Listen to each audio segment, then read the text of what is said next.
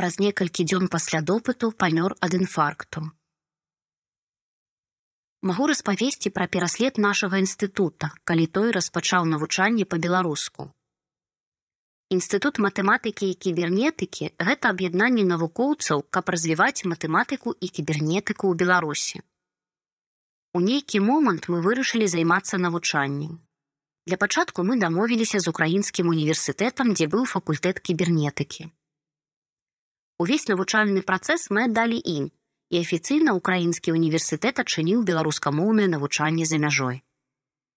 Студэнты паступалі туды, ездзілі здаваць іспыты. А ў Беларусі было створанае асяроддзе, якое падтрымлівала навучанне. Мы проста на грамадскіх пачатках зладзілі чытанне лекцый. Мог прыйсці любы ахвотны, яны былі бясплатныя.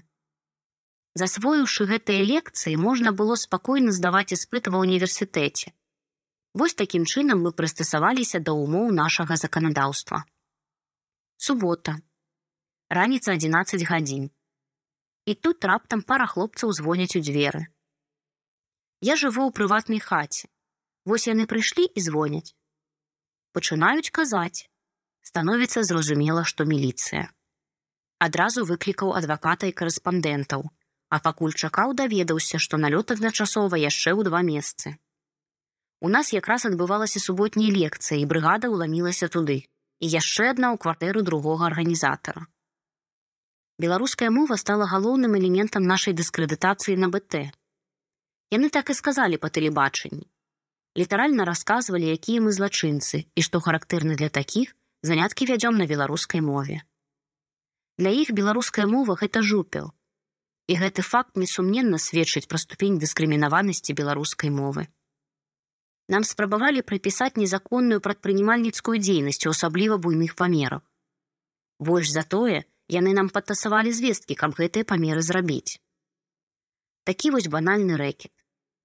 Увогуле, калі нас пачалі круціць, яны былі ўпэўненыя, што мы хоць нешта парушылі, Ну і што мы інтэлігенты, а значыць трусы і зламаемся адразу. А мы законы ведалі, і ў нас усё было зроблена юрыдычна правільна.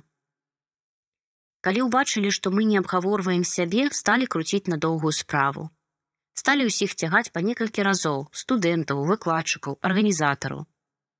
Пару чалавек зламаліся і пачалі гаварыць тое, што было трэба ім. Асабліва гэта атрымалася з першакурснікамі. Гэтая гісторыя не дала працягваць набор студэнтаў. Лекцыі былі да канца семестра, усе, хто паступіў, скончылі і больш набораў не было. Украінскі універсітэт нашымі студэнтамі быў вельмі задаволены. Беларуская мова была асноўным матывам пераследу. Так мяркую я і мае калегі. Тым больш, што ўсё навучанне было за мяжой і ў кампетэнцыю беларускіх органаў не ўваходзіла ніяк. Тым не менш, яны не спыніліся, пакуль не дамагліся, каб беларусы не маглі вучыцца па-беларуску. Усім, хто рызыкнуў вучыць ці вучыцца па-беларуску і да каго яны змаглі дацягнуцца, патузалі нервы.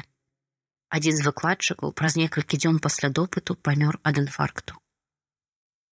Павел Бука 49 гадоў, дырэктар інстытута матэматыкі і кібернетыкі. Жупел.